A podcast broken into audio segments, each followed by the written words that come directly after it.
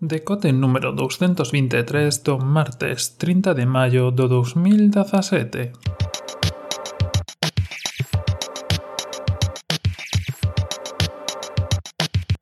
Bos días e benvidos a este novo decote, o primeiro decote no que se repite a data, bueno, a data íntegra non, porque evidentemente é 2017, non 2016, pero é o 30 de maio, tal e como dicía neste mesmo sitio, neste mesmo lugar fai un ano. Así que norapeo veo a, a todos os que os vos mantivestedes aquí escoitando o decote durante todo este ano e os que chegastedes neste ano e agardemos que os que cheguen pois no futuro o Decote. Pero como xa tivemos moitas celebracións neste ano e moitas que nos quedarán para adiante, ainda as que teremos que resir un pouco máis, porque, bueno, a primeira gran meta xa está pasada, que é un aniño, hoxe toca falar de outras cousas e seguir a vida tal e como estaba. Pero antes, pois, se vos está molando, se vos está gustando o que foi o decote no último ano, pois recomendarvos que deixedes algún comentario en iTunes, algún comentario, valoración no voso podcatcher que estés utilizando, Spreaker, Pocket Cast, bueno, o que sexa. E se non, pois a min directamente para saber que vos está parecendo, que opinades, que se debe mellorar e, bueno, calquer cosa que consideredes interesante. Dito isto, Pasamos ao tema do día que como os decía onte vai sobre videoxogos. En concreto vai sobre o título Player Unknown Battlegrounds que é un dos xogos que está pois triunfando ahora mesmo. Quizá non o sabedes, quizá xa o sabíades, pero bueno. Primeiro, empezamos polo que hai que empezar todos os xogos que explicando un pouco de que va Player Unknown Battleground. É un nome pouco amigable, teño que decirlo, pero bueno. PlayerUnknown, que como se coñece normalmente en xeral pola jerga. Bueno, pois pues PlayerUnknown é un xogo eh, multiplayer online masivo, o sea, un MMO, e basicamente as mecánicas son moi sinxelas. A máis, non son unhas mecánicas novas, outros xogos como DayZ, como H1Z1 e similares, que, bueno, se si vos mola o rollo, deixo vos aí para que os teñades en conta, xa facían. Que é basicamente un Battle Royale. Non sei se coñeces a película de Battle Royale, a antigua película asiática, na que logo, pois, evidentemente, os Juegos de Hambre toma a súa parte da súa idea, da súa trama, que é isto de xogar todos contra todos e sobrevivir. Como os digo, este xogo vai sobre eso, Battle Royale, e é moi sinxeliño. 100 persoas, 100 xogadores, empezan voando, sobrevoando nunha unha illa, bueno, son un par de illas conectadas, pero bueno, un mapa, e cando les queren, tiranse en paracaídas e chegan á illa, que está completamente despoblada, pero hai casas, hai árbores, hai vehículos. E basicamente empeza a loita, primeiro por atopar o loot, o loot para atopar pois, armas, cascos, eh, roupa, todo o que eles poidan coller para armarse, para prepararse para loitar contra os outros contrincantes e logo, pois, empezar a moverse para meterse dentro dos círculos. Digamos que empeza e os primeiros cinco minutos son todo o mapa aberto e a partir dos cinco minutos empeza a pecharse o mapa.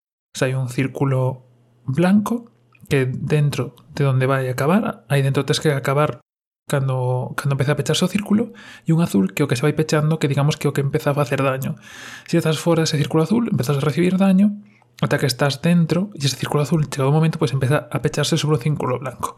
Cada vez os círculos blancos vanse facendo máis pequenos, os azules vanse pechando sobre esos blancos e un pouco que incentiva o que busco que motiva é que haxa confrontamentos, que haxa, bueno, pues loita como vos digo, é un xogo que está chamando moitísima atención, no que está xocando moitísima xente, e para que teñades algúns datos, pois eh, digos algunhas cousiñas. Por exemplo, o primeiro fin de semana que saiu, que por certo está todavía en Early Access, eh, gañou 11 millóns de dólares.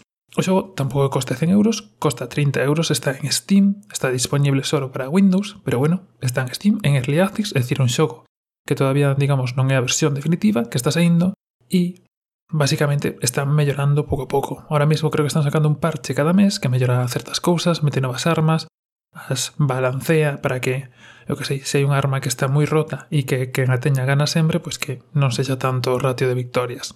Como os digo, só no primeiro fin de semana finzo, fixo 11 millóns de dólares e ten máis de un millón de persoas xogando. E iso que é early access.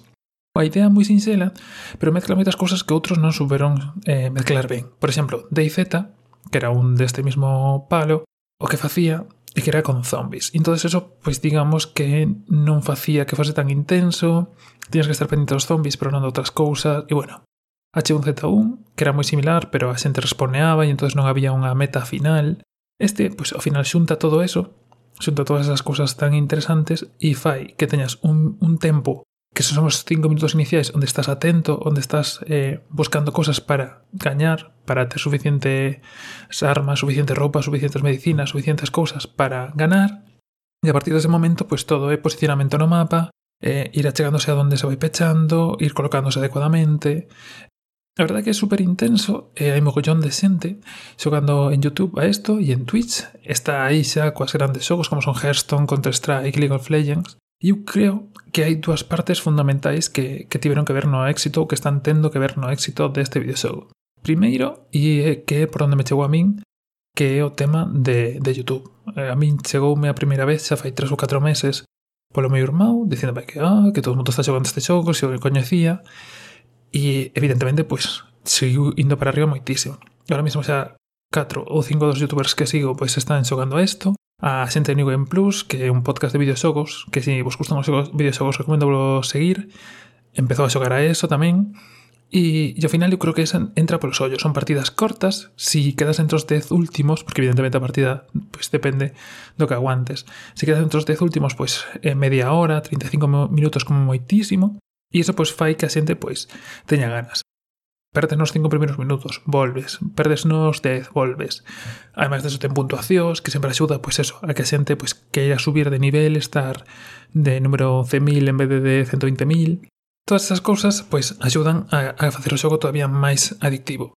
E a verdad é que, para min, creo que só hai unha cousa que tira bastante para atrás, que o prezo, 30 euros por un early access, pois faise bastante durillo, pero todo o resto son cousas que, que tiran bastante. A máis, pois ten outros modos de xogo, por exemplo, podes xogar ti solo e entón xogas contra outras 99 persoas que están solas. E isto, pois, evidentemente, pois, tens que ter en conta para, para como faz as cousas.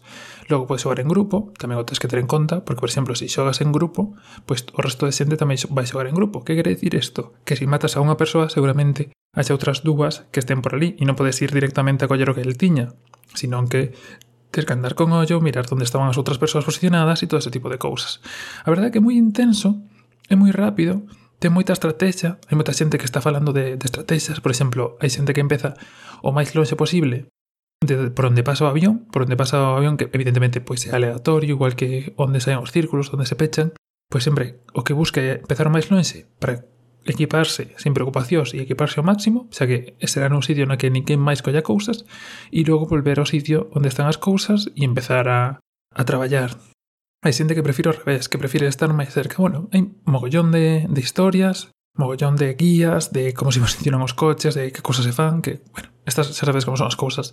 E ao final, pois pues, van facendo un lore e unha temática e van facendo que, que todo o mundo pois se vaya metendo un pouco máis. É verdade que é increíble eh, si queredes, si vos apetece paso os vídeos para que vexades un pouco como é o tema de partidas, de, de como está a cousa, pero bueno, é o xogo do momento eh, e creo que, que sempre está guai pese a que pois isto un pouco tema tecnolóxico que se vades como como se están manexando as cousas. E nada, Si vos molalles, pues quizá algún día subimos algún vídeo, pero como sei que nosotros moito videoxogos, pois pues, deixámoslo de momento para, para o mesmo. E nada máis por ese, nada máis por este martes, oxe sí, a súa hora, oxe sí, o seu tempo, e agardemos que os próximos días tamén siga sendo todo a súa hora e a seu tempo. Nada máis por este martes, nada máis un ano despois de empezar con isto. Espero que vos guste, espero que sigades aí, e como sempre, tedes todos os enlaces en podcast.org.net todo o que querades tamén aí para contactar comigo, para ver as redes sociais, para ver todo o que necesitedes. E nada máis por hoxe, que teñodes un bo día, un bo martes, un saúdo e ata a próxima.